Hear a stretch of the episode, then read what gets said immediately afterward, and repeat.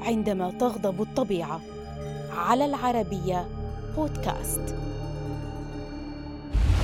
كان صيف عام 1988 هو الأصعب في غرب الولايات المتحدة الأمريكية.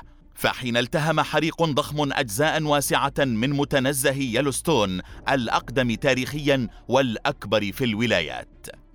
الطقس جاف والحرارة مرتفعة والمتنزه يقع في بؤرة نشاط بركاني هذه العوامل مجتمعة كانت كافية لإشعال الحرائق التي اعتبرت الأكبر في التاريخ الأمريكي وتسببت في تغيير السياسة العامة تجاه حرائق الطبيعة فكيف حدثت هذه الحرائق؟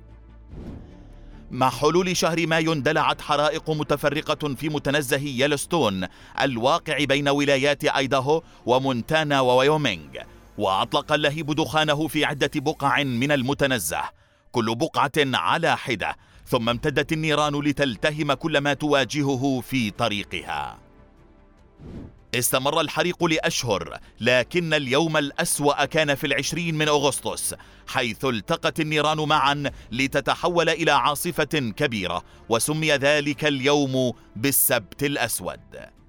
اجتاحت النيران مساحة بنحو 500 ألف فدان ودمرت عشرات الملايين من الأشجار وعددا لا يحصى من النباتات وبقيت بعض المساحات متفحمة وقاحلة. قتل شخصان في الحرائق التي امتدت لخارج المتنزه ولكنها تسببت في هلاك نحو 300 حيوان من الثدييات الكبيرة. استدعي لموقع الكارثة نحو 9500 رجل إطفاء بينهم مدنيون وعسكريون.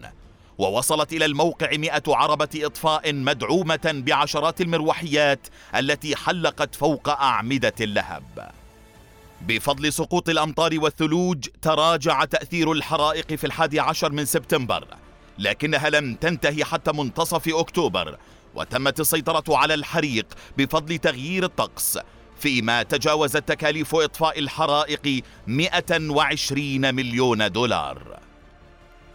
بعد فترة وجيزة من انتهاء الحرائق عادت بعض أنواع النباتات والأشجار للنمو.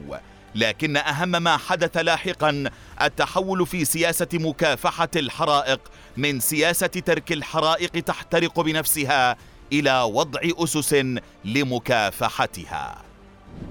تم التراجع عن السياسة طويلة الأمد للسماح بإشعال الحرائق الطبيعية من تلقاء نفسها في عام 1988 كي تجدد البرية نفسها بنفسها.